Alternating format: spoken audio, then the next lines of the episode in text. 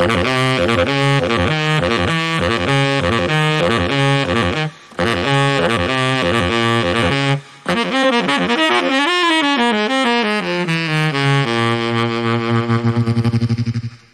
audycję Kind of Jazz zapraszają Mateusz Golami Jędrek Janicki. Dzisiaj porozmawiamy sobie... A Szymon, dlaczego się nie i przedstawiłeś? Szymon Stępnik. A, i Szymon Właśnie, Stępnik, no. tak, tak, przepraszam. Dzisiaj jestem trochę skonfundowany. Skonfuzjowany wręcz. Tak, skonfuzjowany. No jeszcze, żeby nie być, aby nie być bardziej skonfuzjowanym, Może, może dlatego, że masz koszulkę z Pulp Fiction. to nie jest Pulp Fiction. jest, To są e, wściekłe psy. Ale No przepraszam, właśnie. Szymon, tak to powiedziałeś, jakbyś chcesz tam na ulicę na solo, no to już to nie jest Pulp Fiction, okej? No to trzeba szanować Quentina Tarantino, Mateuszu. Tu pełna To zgoda. prawda. Aby nie być jeszcze bardziej skonfuzjowanym, e, pragnę przypomnieć, iż naszą audycję realizuje jak zwykle jedyna i niezastąpiona Grażyna Bąk. E, Tak jak wspomniałem, znaczy próbowałem wspomnieć, ale chłopaki mi przerwali. Dzisiaj porozmawiamy sobie o bardzo ciekawym wydawnictwie, o płycie e, Chica Corea i Herbiego Hancocka, która jest de facto zapisem koncertu fortepianowego z 1978 roku. Aczkolwiek najpierw tutaj już zobligowałem się, aby powiedzieć e, dwa zdania o nowym wydawnictwie Scalpela pod tytułem Beat Band Scalpel Leaf. E, właściwie Beat Band Leaf.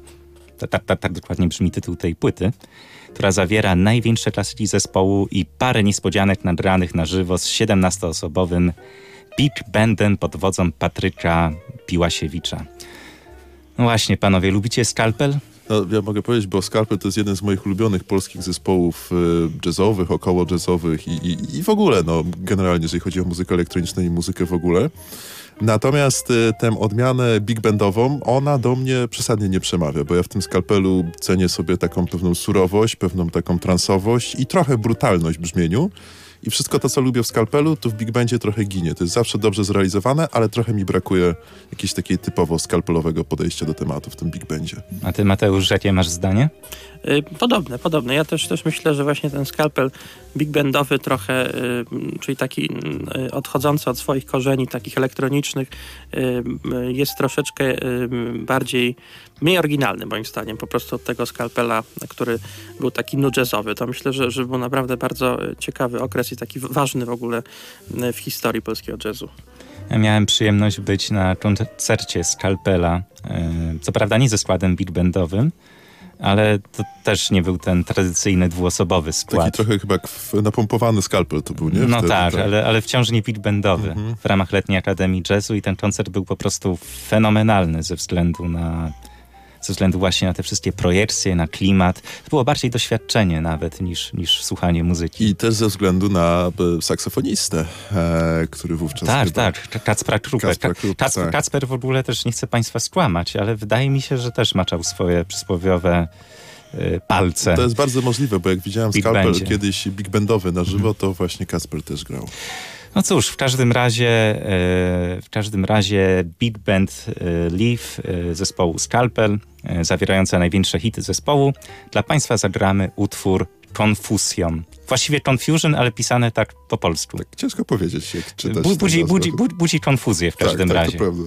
Zatem posłuchajmy.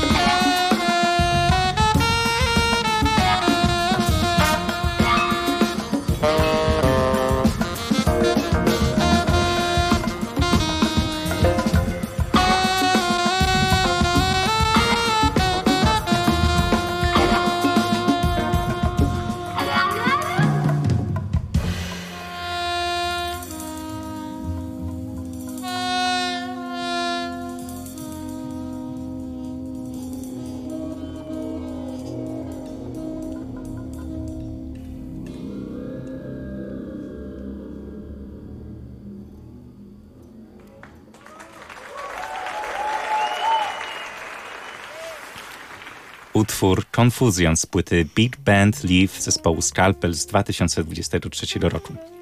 My wracamy do płyty będącej tematem naszego dzisiejszego odcinka, czyli An Evening with Herbie Hancock and Chick Corea in Concert 1978 rok wydania. E, słowa wstępu. 1978 rok to rok, kiedy obaj ci muzycy byli na szczycie sławy. Hancock miał wtedy swój zespół VSOP, w którym razem z Milesem Davisem eksplorowali elektryczne rejony muzyki jazzowej. No, ten VSOP to tylko y, tytułem uzupełnienia Miles Milesem, ale tam by było bardzo dużo brzmień akustycznych i tam wiesz, Freddie Hubbard, Wayne Tak, Shorter, tak, Williams, rzeczywiście Ron później, Carter, tak. później Milesa zastąpił Freddie Hubbard. Tak, i tam mocno też ten akustyczny jazz poruszali wtedy. Mhm. Wtedy, a Corea z kolei wtedy mm, zakończył trasę z zespołem Return to Forever, który też przecież mm, dołożył cegiełkę do rozwoju muzyki jazzowej. E, to było ostatnie, czego fani obu tych muzyków mogli się spodziewać. Fortepianowy koncert akustyczny, coś niespodziewanego, coś, cze- czego, czego nikt w ogóle nie mógł, nie mógł sobie wyśnić w tamtym czasie. E, Samo wydanie też, też było ciekawe, ponieważ e, druga strona drugiej płyty wydawnictwa miała obniżoną jakość dźwięku ze względu na to, że producenci chcieli upchnąć całe 35 minut materiału naraz i widocznie chcieli ograniczyć koszty, nie wydawać trzeciego winyla do No tak to wydawnictwa. wygląda, bo to jest decyzja tak naprawdę absurdalna. No cóż, w dzisiejszych czasach nie do pomyślenia. Panowie, e, koncert Herbiego Hancocka i Chica Corea. Jak wam się podobał? Czy w ogóle taki akustyczny koncert fortepianowy jest czymś ciekawym? Wiesz co, Szymon, ten koncert jest na pewno czymś ciekawym, zwłaszcza jeżeli go dobrze osadzimy w to, o czym mówiłeś, w karierze Herbiego i Chica.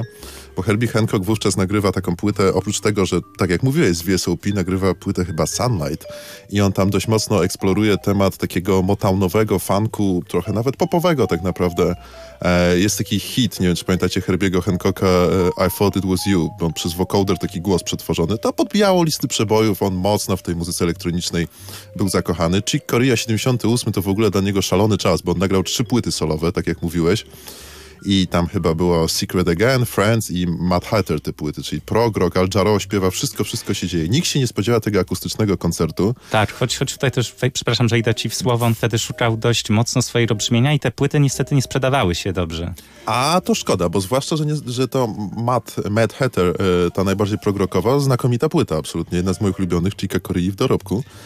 I ten koncert, taki ta cała, no bo to nie tylko ten koncert, o którym mówimy, ta cała trasa, to tak naprawdę był trochę sposób odreagowania, przynajmniej dla Hancocka wśród tych poszukiwań. On trochę chciał wrócić do swoich korzeni, do akustycznego fortepianu i on, Hancock przynajmniej, bo wiesz, ja jestem fanem Hancocka, nie? I zawsze jakby z jego perspektywy patrzę na świat trochę, nie traktował tego przedsięwzięcia tak e, stuprocentowo poważnie. Dla niego to było nieco zabawy, nieco przyjemności i nieco właśnie odreagowania. A wynik e, i, i, i efekt, czyli ta płyta, o której my opowiadamy, no to jest po prostu rzecz y, porywająca. O, tak bym powiedział, że to jest najlepsze słowo. Może nie najwyższych lotów, jeżeli chodzi o artyzm, ale porywająca. Trudno się nie dać tutaj zaczarować. Także y, wracając, trochę tak jak zapytałem w przypadku Skalpela. Jakie zdanie ma Mateusz? Y, No, no właśnie ja się b- b- z Jędrzejem tutaj y, zgadzam w dużej mierze, bo oczywiście ta płyta wydaje się takim odreagowaniem, czyli y, taką płytą, y, y, na której na przykład Hancock, który wtedy bardzo dużo nagrywał, y, trochę odpoczywa razem z, z takim y, mistrzem Koreą właśnie, który go może trochę osadza, trochę też jest takim równym przeciwnikiem, y, bo on jednak y, w latach 70. głównie ciągnął swoje zespoły i, i to ciągnięcie może było dosyć męczące, prawda? Zresztą on y, rzeczywiście grał wtedy dużo, dużo takiej muzyki funk, jazz funk i ona była trochę inna od y, y, takiego klasycznego jazzu, więc może tutaj też taki jest trochę taki powrót do korzeni, chociaż rzeczywiście ten y, kwartet VSOP, y, który nagrywał mniej więcej w tym samym czasie, on był dosyć akustyczny, więc to można jakoś tam y, z tym też y, Ale to VSOP to trochę był taki powrót do starych kumpli, chodźcie sobie pogramy, nie? A ta taka, Trochę taka tak. główna oś zainteresowań Hancocka 78 to nawet muzyka disco była tak naprawdę. Przecież Zgadza na się, na tak. Sunlight to ludzie z, z Motownu, ci co nagrywali później taki hit, nie czy pamiętacie Ghostbusters, nie? To do tej pory tam tam grał gitarzysta, Ray Parker grał z Hancockiem. wówczas. Ale właśnie, właśnie u Hancocka jest e, ciekawe to, że on e, nawet w tym takim bardzo e, eksplorującym disco i funk okresie wplatał tam jakieś elementy też Muzyki takiego bardziej jazzowej, klasycznego jazzu. Tak, że on jakby zawsze lubił tak szatkować tą swoją twórczość, że nigdy, nigdy się skupiać tylko na jednym. I właśnie myślę, że to jest taki, może odpoczynek to jest jedno słowo, a drugi to taka trochę zmiana tematu w tym takim funkowo-diskowym okresie. No właśnie, bo używacie tutaj słowa odpoczynek, czyli rozumiem, że jednak dla was Herbie Hancock i Chick Corea to jednak bardziej te twarze bardziej elektroniczne. W 78 zdecydowanie Tak, tak. tak, I, I też tak. się opieram na tym, co Hancock mówi, że to był jego taki główny motor napędowy do działania, to eksplorowanie tych brzmień elektronicznych. Wiesz, natomiast to granie na akustycznym fortepianie w przypadku Hancocka o Korei to na pewno ty lepiej powiesz, bo wiem, że jesteś jego psychofanem, tak bym powiedział wręcz.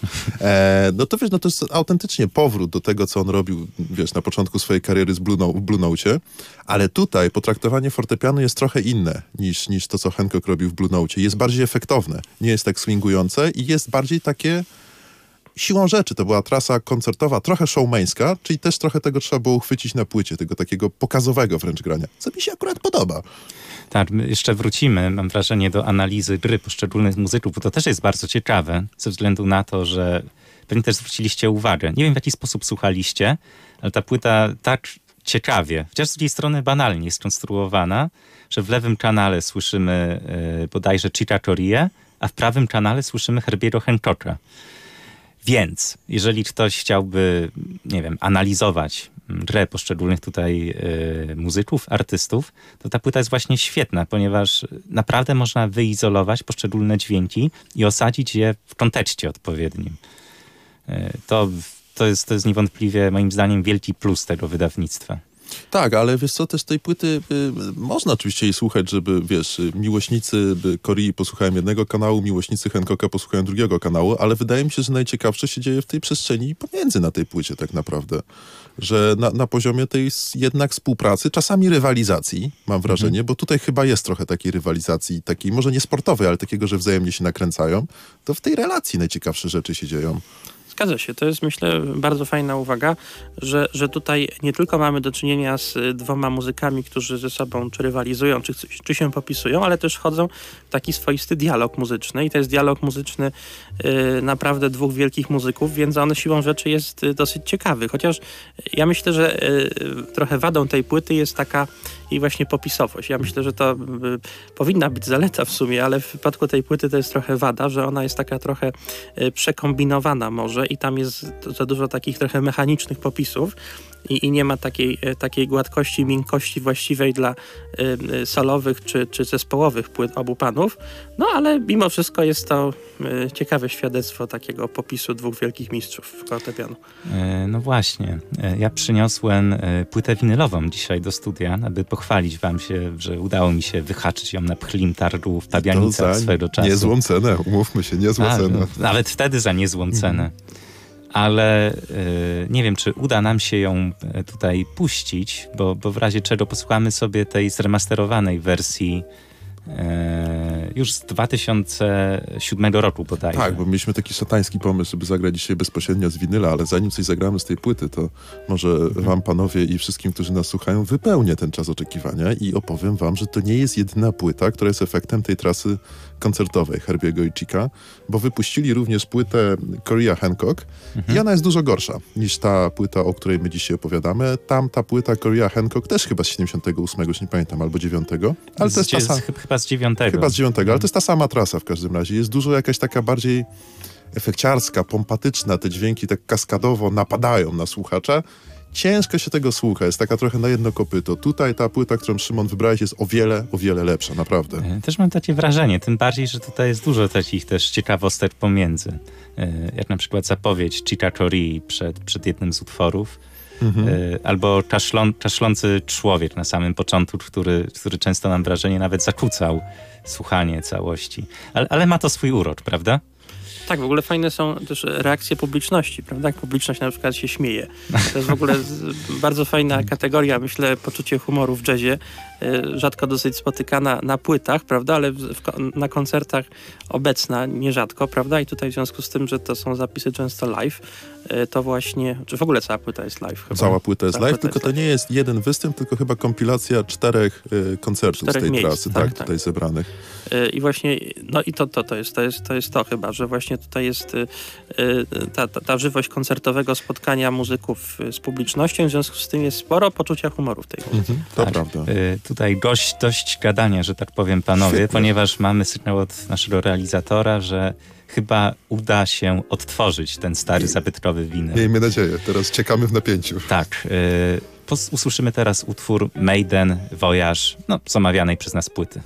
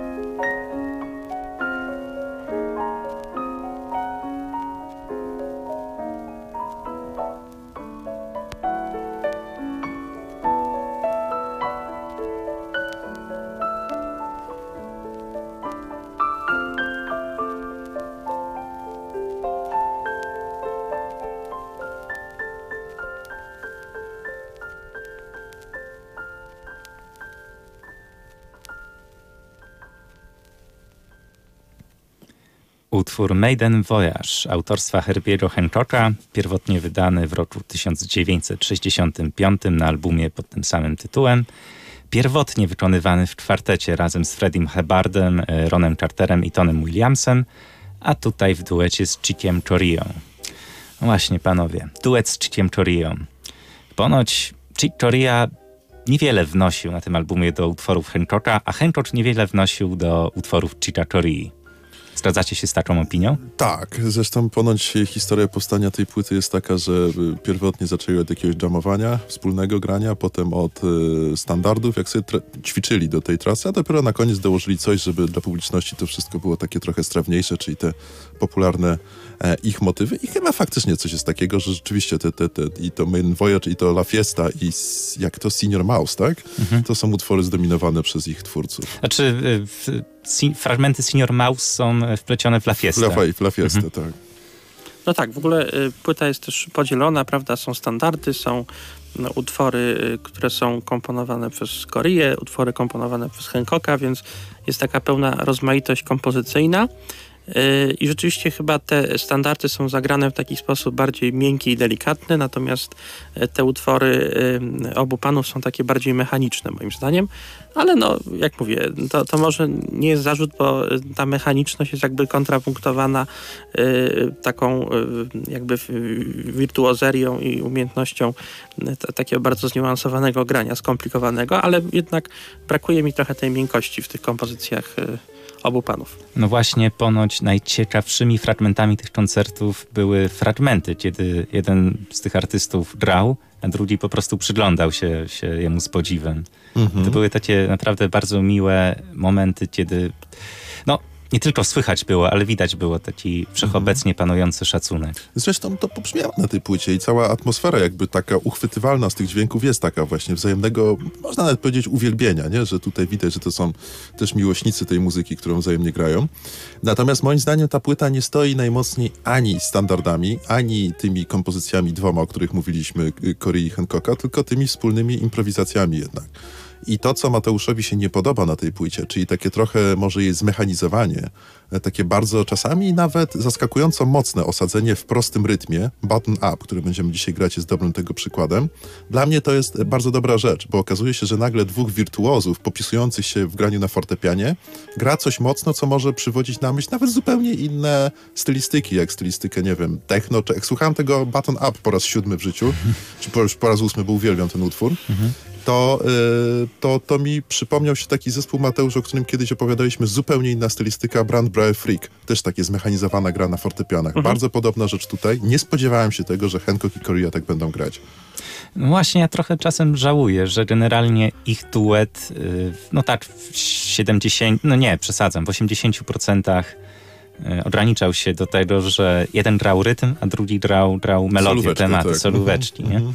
No jednak po takich muzykach oczekiwałbym więcej takich momentów, gdzie oba improwizują i szukają tego wspólnego języka.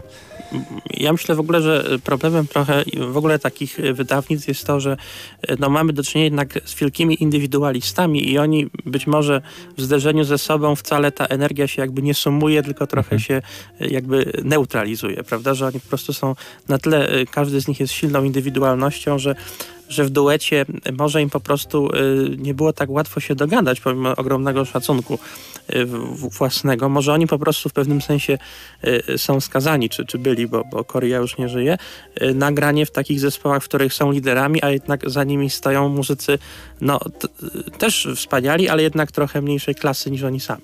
A moim zdaniem ta płyta, w ogóle te koncerty mają inny problem. E, źle są, źle jest rozłożone, źle, źle są rozłożone proporcje. Zdecydowaną większość według mnie powinny stanowić ich wspólne improwizacje, takie rzucenie się nawet na głęboką wodę. To, co tutaj na płycie jest, y, no nie chcę powiedzieć mniejszością, ale to wcale nie jest dominujące, a jakiś tam standardzik czy hicior powinien być grany, nie wiem, na bis, jak publiczność się bardzo domaga. Jakby ten sznyt awangardowy, który raz na jakiś czas pojawia się na tej płycie, jest jej najmocniejszym punktem i trochę jest jego dla mnie za mało. Trochę czasami ta płyta jest zbyt oczywista w tych popisach przez to. No tak, ale z drugiej strony... Mechaniczna, prawda? Bo to, Mechaniczna. ta oczywistość może do mechaniczności tak, no tak. No okej, okay, ale gdyby jakby cała płyta stała tymi improwizacjami, to czy wtedy tych, tych krótszych momentów, czy, czy one nie byłyby wtedy przez nas tak doceniane? Być może, być może. Być może to jest taka zasada, że doceniamy to, czego mamy mało, tak? I dlatego ta improwizacja się tutaj podoba. To nie wykluczam tego. Tak, no myślę oczywiście, że to jest y, siła tej płyty, te takie króciutkie y, momenty, gdzie ta improwizacja się tak zagęszcza, kiedy właśnie ona się robi taka wspólna bardziej, albo właśnie taka bardzo oryginalna, jeżeli chodzi o strukturę, ale to są momenty, prawda? Dużo jest takich przebiegów y, dla mnie dosyć, y, dosyć jednak takich mało głębokich, prawda, jeżeli chodzi o, o oryginalność, a czasami są takie momenty w życiu wspaniałe, ale ich y, nie ma aż za dużo na tej płycie, myślę. Mogło być więcej oczywiście. Ale niemniej jednak e, to, że w ogóle rozmawiamy o półtorej godzinnym, o półtora godzinnym e, albumie tylko z muzyką fortepianową, to jednak świadczy o tym, że to jest ciekawa płyta. No wiesz, i to, że rozmawiamy, to jest jedno, ale tej płyty się dobrze słucha. I włącza sobie Mhm. tę płytę i po półtorej godziny włącza sobie tę płytę. Także tu się udało na tej płycie uchwycić, to jest rzadkość moim zdaniem, radość tego koncertu, Mhm. która się wówczas odbywała. Ja nie jestem, jak wiesz, y, miłośnikiem tego pianisty, ale pamiętam, że Leszek Możdżer kiedyś grał w takim trio koncertowym typowo. Płyty też nagrywali, ale były dużo słabsze z fińskim pianistą Liro Rantalą i niemieckim Michaelem Wolnym. I to też trochę był taki show, trochę był taki cały y, przedstawienie teatralne, trochę kabaret nawet czasami. A, czy, a przepraszam ci wejdę słowa, czy Liro La, Lantal nie grał też z Tomaszem Stańczo kiedyś? Bardzo możliwe, bardzo Właśnie możliwe. sobie przypominam. No. Bardzo możliwe. Natomiast tam też była taka radosna, fajna atmosfera na tych koncertach. I to samo słyszę tutaj u Hancocka i Corei. Taką nie jest dla mnie przesadnie duża wartość, ale ta radość ze wspólnego muzykowania to jest tak wysoka, że to robi na mnie wrażenie. Tak, na, na mnie też robi, ale myślę, że y, tutaj y, się popełnia taki trochę y, klasyczny błąd, kiedy artyści się dobrze bawią, że moim zdaniem bawią się lepiej niż słuchacze, przynajmniej niż ja, prawda? Że to jest taki, taka sytuacja, kiedy oni rzeczywiście świetnie się razem czują, są jakby w dobrej atmosferze, ale czasami właśnie trochę zapominają, mam wrażenie, o tym, że są jeszcze słuchacze i warto by coś tak pod ich kątem może zagrać. No okej, ale nudziłeś się słuchając tej płyty? Czasami trochę tak, właśnie w tych mechanicznych momentach, czy nawet dłuższych chwilach się trochę nudziłem. Ja się nie nudziłem, ale to dlatego, że y, wiecie, zastanawiałem się, co jest najpiękniejszego w tej płycie, oprócz tych improwizacji i tak dalej. To jest pewna taka y, ulotność tych melodii, które tu się pojawiają i nie pojawiają i pewien taki nieznośna wręcz lekkość traktowania tych, tych, tych, tych dźwięków, które oni grają. To jest tak obezwładniająco swobodne, że to mnie wciąga po prostu. Nawet jeżeli aranżacyjnie czasami jest dość ubogo. Tak jak tutaj Jędrzej wspomniał, ja jestem y, psychofanem Chichachor i ja uwielbiam po prostu te momenty, jak on coś tam sobie gra, ale w pewnym momencie za, zawsze, zawsze tam znajduję tą chwilę, żeby e, jakiś tam hiszpański rytm, jakieś tam hiszpańskie melodie wtrącić. No i tak mu to płynnie wychodzi. Plus momentami, jak na utworze, który zaraz będziemy słuchali, Button Up, stosuje tą technikę, z której teraz słynny jest chyba Leszek Możdżer, gdzie w awangardowy sposób i dotyka tylko klawiszy fortepianu, ale po prostu pociąga za struny. Tak, przez co to- mamy takie typowe brzmienie. Ten fortepian preparowany też co, coraz Fortepian częściej. preparowany, Coraz tak. częściej gitara jest w taki sposób wykorzystywana, taki niestandardowy. No, te, też, też jest taki e, polski teraz e, pionier fortepianu preparowanego, Witold Oleszak. Oleszak. Tak. Oleszak. Nagrał niedawno bardzo ciekawą płytę w duecie, nie pomnę nazwiska, e, dla Anteny Non Graty, Unisex płytę. No proszę. Mhm. Ja też chyba kiedyś robiłem recenzję jednej płyty, w której grał i to też takie ciekawe doświadczenie. Tak, ale właśnie wspomniany też y, Leszek Możdżer z Adamem Makowiczem też nagrał płytę Makowicz Możdżer w Carnegie Hall. I właśnie ona też, y, też była taką jakby jeżeli chodzi o strukturę podobną płytą, czyli zderzenie takich wielkich osobowości jazzowego i nie tylko jazzowego fortepianu, no i tam właśnie y, to ta płyta była wielkim przebojem, jeżeli chodzi o sprze- sprze- sprzedaż, ale myślę, że, że miała trochę podobne, podobne wady co ta płyta, czyli właśnie była y, trochę taka mechaniczna i trochę taka y, jakby y, y, Mało zaskakujące. mało zaskakująca. No okej, nie? Ale jakbyście mieli koncert, nie wiem, gdzie grałyby same saksofony albo same gitary, to myślę, że no, trudno nie uciec od tej mechaniczności czasami. No, zresztą taki koncert y, w świecie jazzu y, trzech gitarzystów klasycznych, Paco de Lucia, Aldi Meola i John A, McLaughlin, tak, no tak, koncerty z San Francisco. Trochę podobna konstrukcja tak naprawdę, E, no to też, no tu siłą rzeczy, idąc na taki koncert, słuchając takiej płyty, musimy założyć, że będziemy mieli do czynienia trochę z jakimiś e, wybrykami czy popisa, popisami wirtuozerii. Bo trochę też o to chodzi. To nie jest ich główna działalność. Oni nie opierają na tym swojej kariery, a gdzieś ta, wiecie, ta wyobraźnia, ta kaskada dźwięków musi znaleźć swoje ujście. No i chyba tylko na takim koncercie, takie mam wrażenie. Albo można to potraktować jako, wiecie, też taki rodzaj y, y, popisów, skoro spotyka się dwóch takich samców alfa, prawda, fortepianu jazzowego, no to jest pomiędzy nimi taka naturalna rywalizacja i ona oczywiście ma, ma taki wymiar no, rywalizacji wagi ciężkiej, prawda? Tak, tak. I, to jest, I to jest też coś, coś ciekawego na tej płycie na pewno i to jakoś przykuwa uwagę, chcąc, nie chcąc, nawet jeżeli czasami te, ta rywalizacja czy współpraca różnie to bywa, ma taki charakter trochę, y, trochę może mechaniczny, ale mimo wszystko to jest jednak zderzenie potężnych osobowości i to się czuje, to się, to się słyszy. Ale to jest ciekawe, co wy mówicie o tej rywalizacji, bo to jest, to jest dla mnie zarzut wobec tej płyty, że za mało jest tam właśnie jej. E, Że często, często właśnie, tak jak tutaj mówiłem, że często jeden z nich gra rytm, drugi gra solówkę. Tak, Jakby tak, ja się zgadzam z tobą. z- Mhm. Zbyt dużo jest, nie wiem, takiego wzajemnego szacunku, Tak, paradoksalnie, a, tak. za, a za mało tego, Tak. żeby A to zaczęli też- z sobą... Tak, prawda, to, to, też powinno prawda. być, wiesz, Mhm. jeden prowadzi melodię, drugi Bach wchodzi mu w słowo, zaczyna coś takiego, żeby Tak, to było no. takie, takie życiowe bardzo. A tu jest trochę zbyt zachowawcze te aranże są. To się Tak, to, zgadzam. to pamiętam Mhm. kiedyś, kiedyś ym, mówiliśmy w odniesieniu do płyty Orneta Colemana i, i Pata Meteniego, Song X. Tak. Znaczy, chyba ja mówiłem, że to jest taka płyta wzajemnych uprzejmości, prawda? I z tą płytą chyba też trochę tak jest, że tutaj jest po prostu za dużo takiej wzajemnej uprzejmości e, w tej grze, a może czasami za mało takiej rzeczywiście e, mocniejszej rywalizacji, bo przecież no, to, to nie jest jakaś przestrzeń e, kłótni, czy, czy przestrzeń, nie wiem, bijatyki, tylko po prostu panowie grają na fortepianie, więc mogliby tutaj trochę bardziej ryzykować, prawda? Ryzy, ry, No, no ryzyka, tak. właśnie, Ryzyko tak, jest tak. dobrym słowem, bo Trochę- rywalizacja to wiecie, w wspólnym graniu nie za bardzo, ale za mało ryzyka trochę tak, na tak, tej płycie. tak, Tak. tak. No więc właśnie, w związku z tym, że pozostało nam niewiele czasu, No. a Akurat, chcielibyśmy... jeden utwór zagrać. Tak, chcielibyśmy zagrać jeden utwór, który trwa 17 minut, a mianowicie Button Up, o którym już tutaj wspominaliśmy, w którym jest dużo chicatori, fortepianu preparowanego i dużo rytmu, tak jak tutaj Jędrzej mówił. I Czyli sporo, na- sporo awangardy. I tak sporo naprawdę. awangardy. Chyba, że jeszcze tutaj Mateusz ma coś do dodania. Mateusz, chyba, że chciałbyś kogoś pozdrowić. To jest ta chwila, możesz pozdrowić kogo chcesz na świecie. Pozdrowić kogo chce. A Mateusz nie chce, Mateusz Nie mam chce- pomysłu tak. kogo. No dobrze. Za, Za, za dużo osób mi przychodzi do głowy. Właśnie, dobra odpowiedź, tak. pozdrawiam cały świat. Cały świat. Pokój na świecie. E, Zatem była to audycja Kind of Jazz, na którą zapraszali Mateusz Golami. Jędrek Janicki. i Szymon Stępnik. Audycja realizowana była przez Grażynę Bąk, a teraz przed Państwem utwór Button Up z płyty An Evening. Słuchajmy.